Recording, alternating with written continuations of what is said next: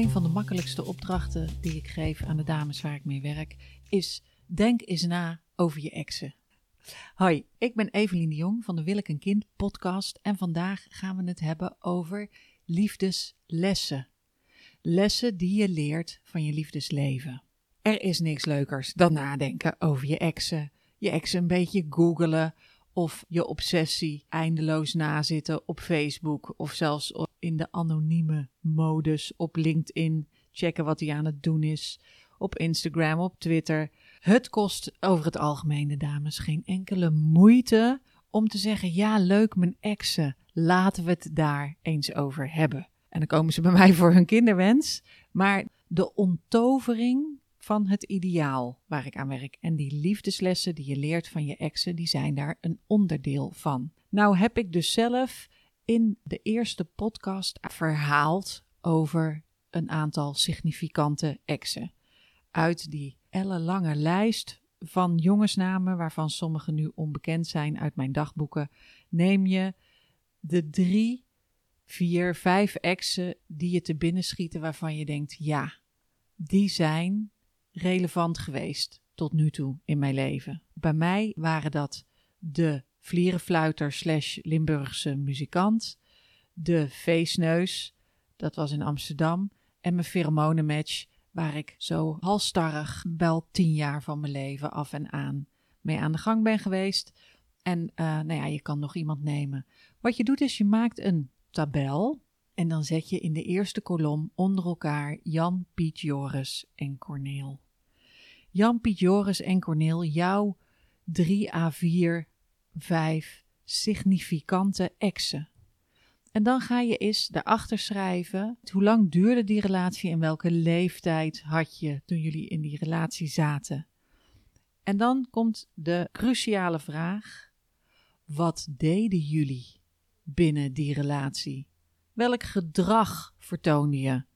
Wat waren activiteiten die jullie regelmatig ondernamen? Dus als ik het dan heb over die Limburgse muzikant. Nou, wij waren heel veel aan het lachen en aan het spelen. En we hingen in de kroeg. We gingen op stap. We gingen ook wel eens langs bij zijn ouders. Hij kwam ook wel eens bij mijn ouders. En dan in de kolom daarna, dus je hebt de kolom met de namen onder elkaar. Dan heb je de kolom daarachter. Uh, daarin zet je de leeftijd en hoe lang de relatie duurde.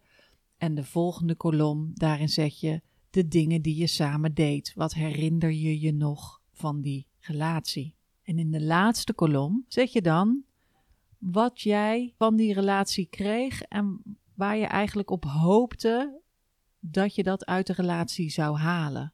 Dus wat ik deed in die eerste relatie was heel erg genieten en lachen en samen zijn en ook al bij elkaars familie zijn. Als ik moet denken aan dingen die ik miste, was nou op dat moment studeerde ik nog politieke cultuur en wilde ik graag ambassadeur worden.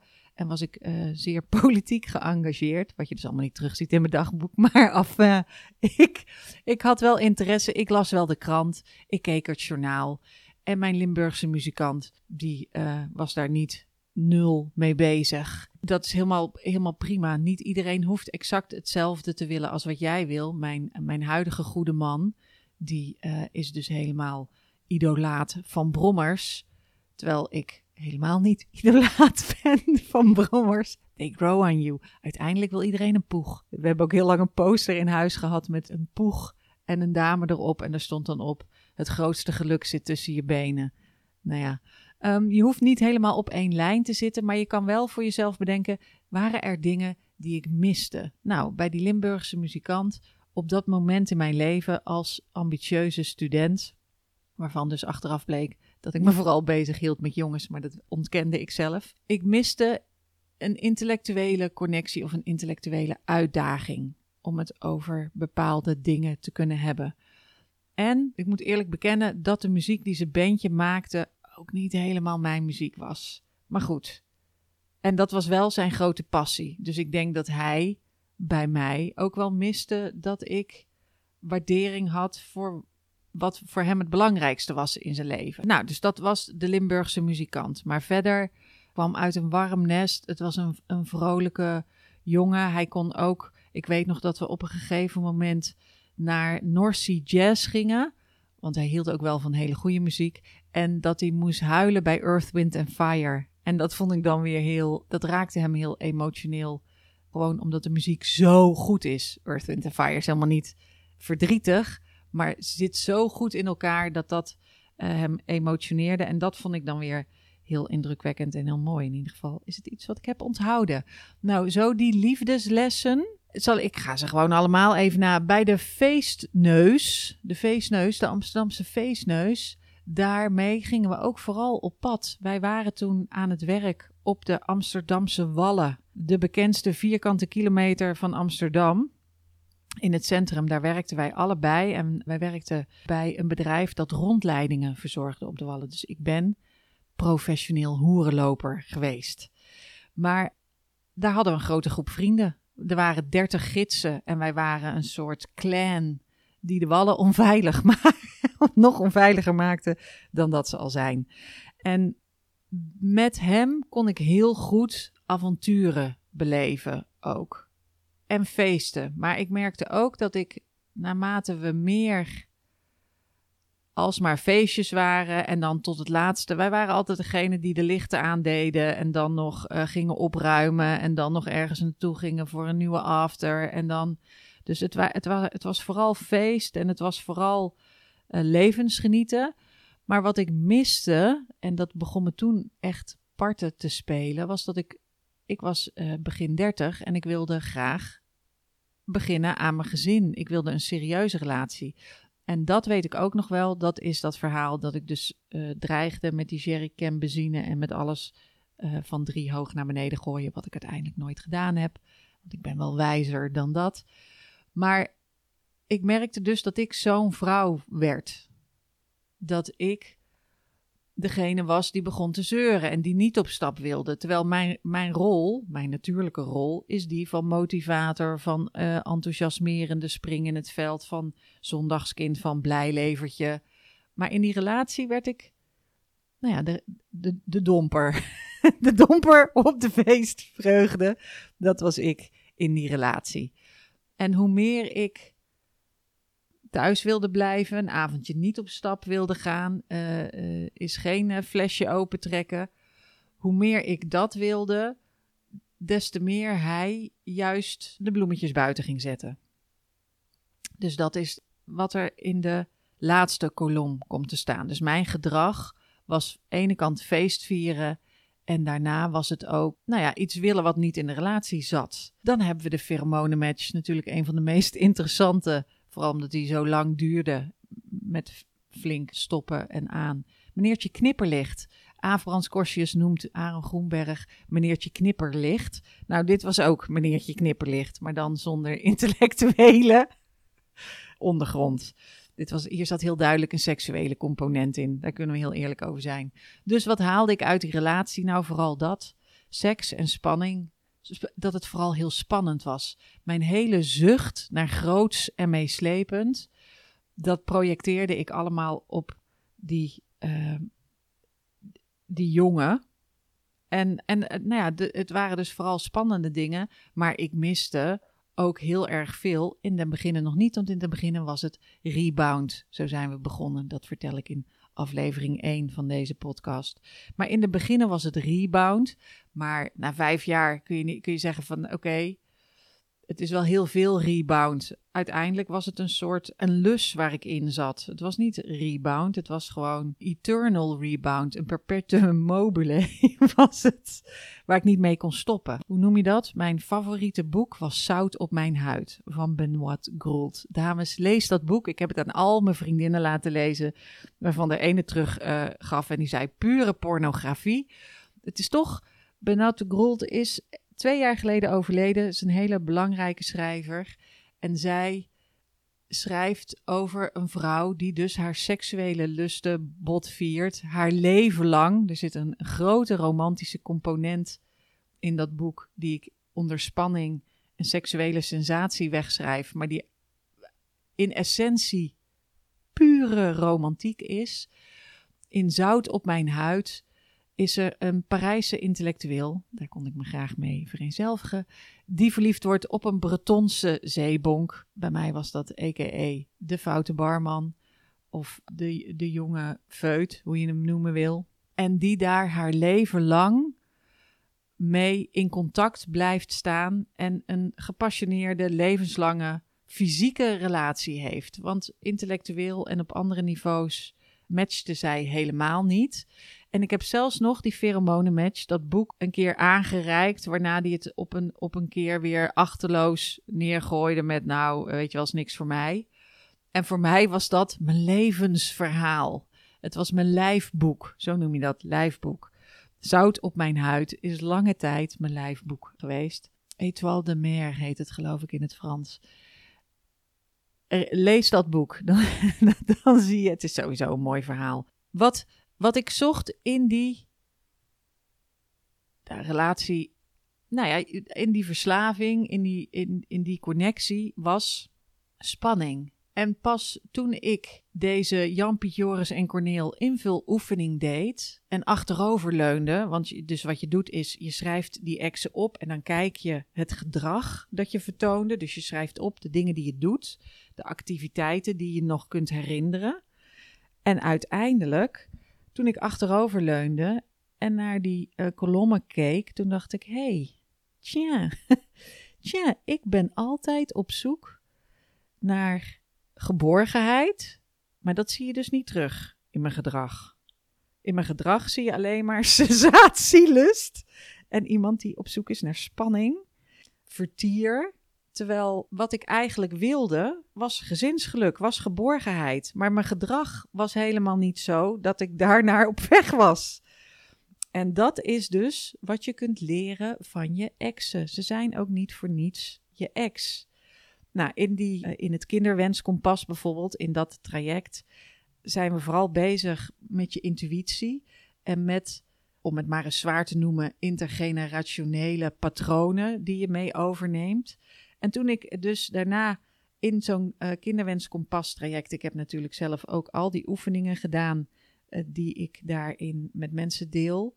Maar toen ik daarna keek naar mijn familiegeschiedenis, toen kwam ik er ook achter dat dat in mijn familie vaker voorkomt. Dat mensen op zoek zijn naar spanning.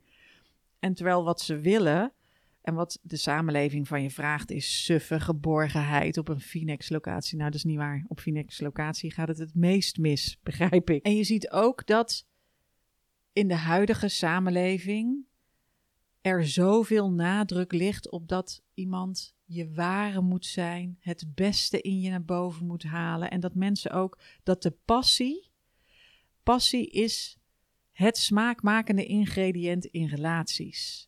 En ik durf te betwijfelen of dat het essentiële ingrediënt is voor de relatie waarbinnen je kinderwens vervuld dient te worden.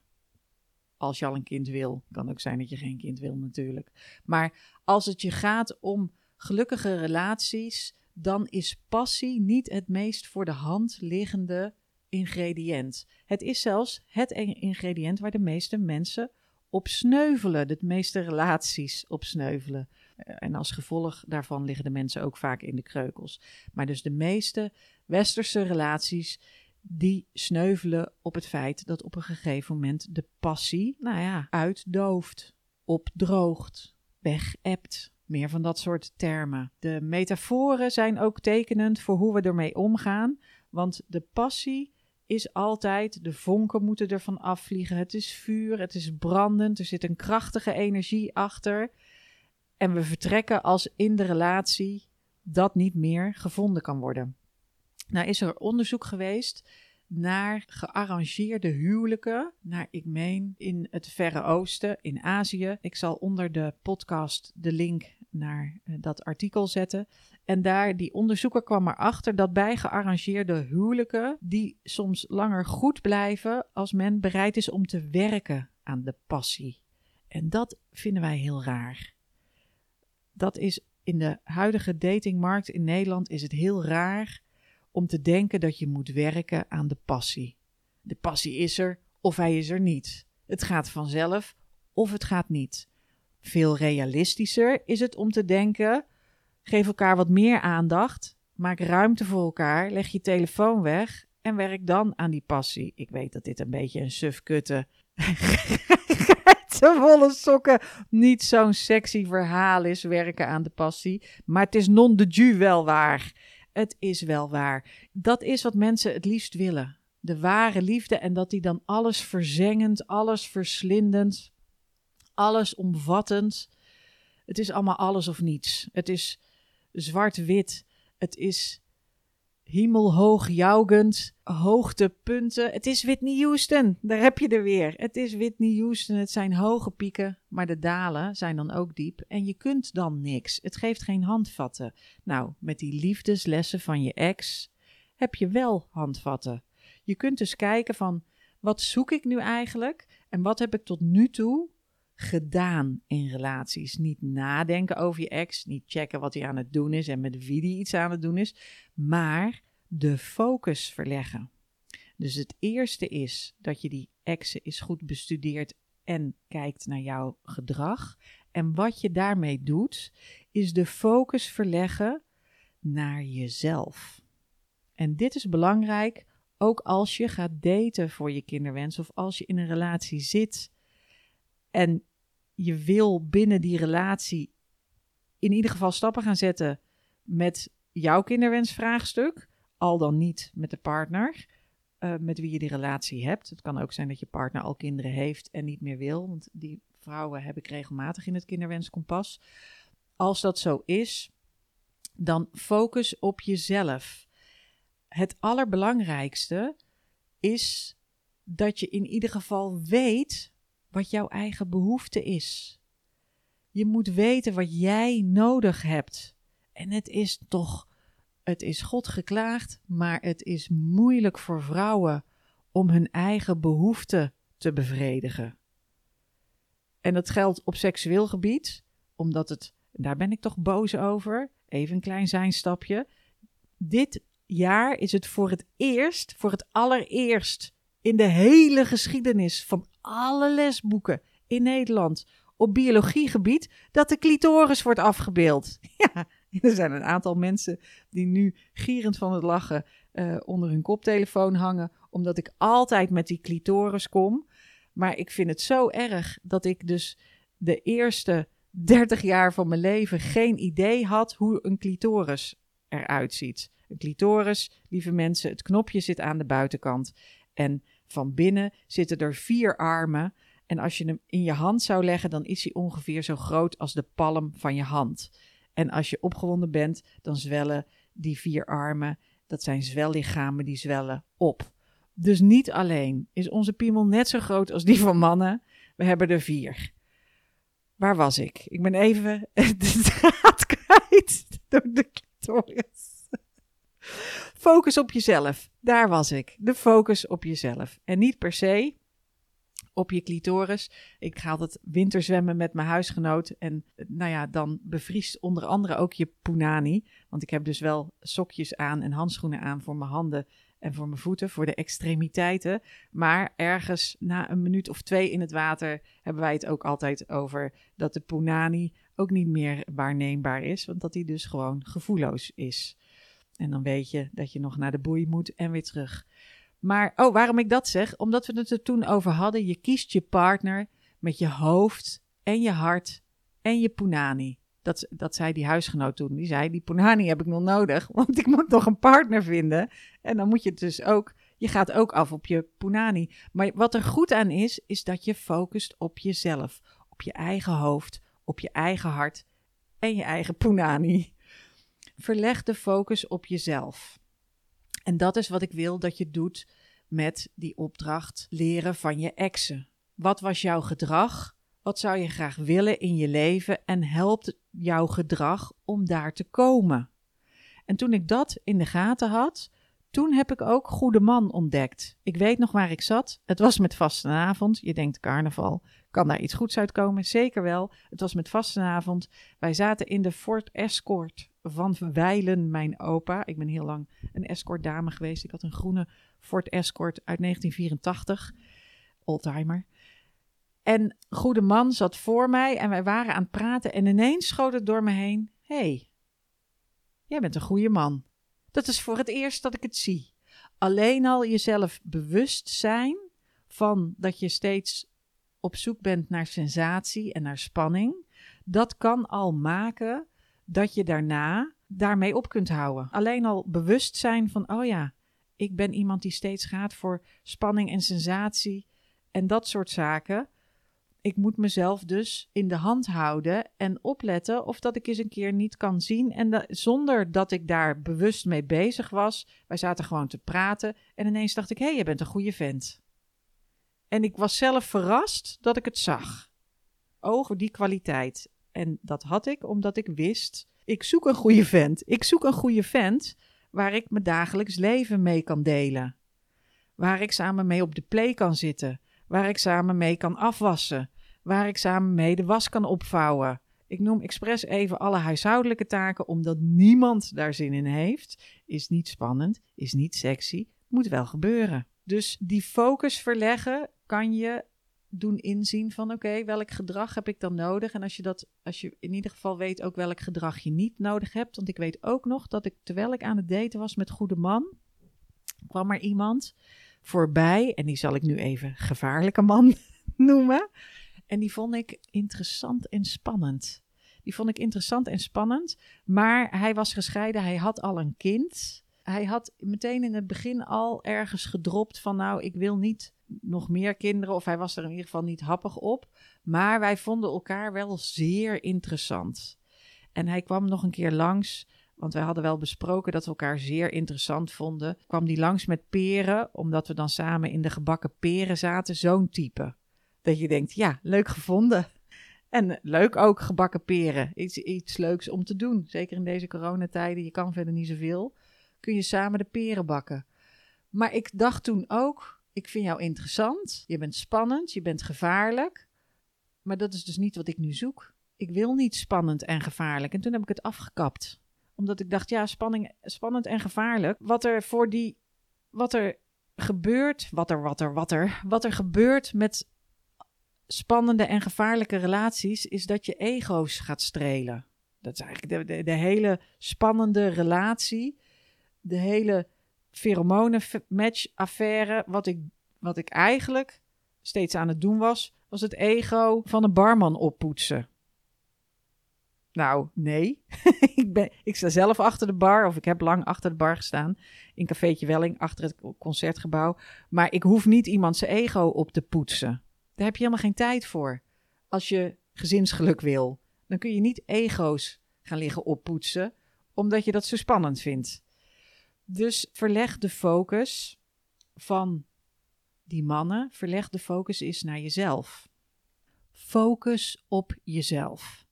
Het klinkt onlogisch als je het zomaar los voor het eerst hoort als het gaat om het kinderwensvraagstuk, maar ik hoop dat ik met deze podcast al iets heb laten zien van de onttovering van het romantisch liefdesideaal en hoe het leuk is om realistisch aan de slag te gaan met je liefdesleven en je kinderwens. En dat kan dus gewoon realistisch en liefdesleven in één zin. En het mooie is, ik heb voor jou een download gemaakt. Onder deze podcast vind je een link. Kun je een blad downloaden met daarop de tabel met de vragen erboven die ervoor nodig zijn om je exen een verrijking te maken. In de plaats van dat je denkt, oh, what a waste of time. Dat je denkt, ah, dankjewel voor dit inzicht. Dat is één. En daaronder staan ook nog interessante vragen die je jezelf kunt stellen in een relatie of tijdens het daten. Want als je gaat daten voor je kinderwens, dan legt dat nogal druk op je potentiële papa slash liefdespartner slash mama slash uh, nou, levenslange significante ander. De druk ligt er natuurlijk al op. Maar als je in deze levensfase zit, kan dat helemaal enorm voelen. En dat zijn vragen, als je die meeneemt in de liefde, in al je liefdes, al je liefdeswandelingen, liefdeshuppels, liefdesperikelen, dan helpt dat je met de focus op jezelf houden. Ik hoop dat je genoten hebt van deze podcast. Heb je een vraag of zit je ergens mee? Heb je een gênant voorval? Een leuk verhaal? Mail mij gewoon info.willekenkind.nl en ik ben ook zeer benaderbaar op de Instagram. En daar heet ik gewoon Willeke Kind. Wil je meer van dit soort dingen horen? Wil je geen podcast missen? Dan abonneer je op deze podcast. Dankjewel voor het luisteren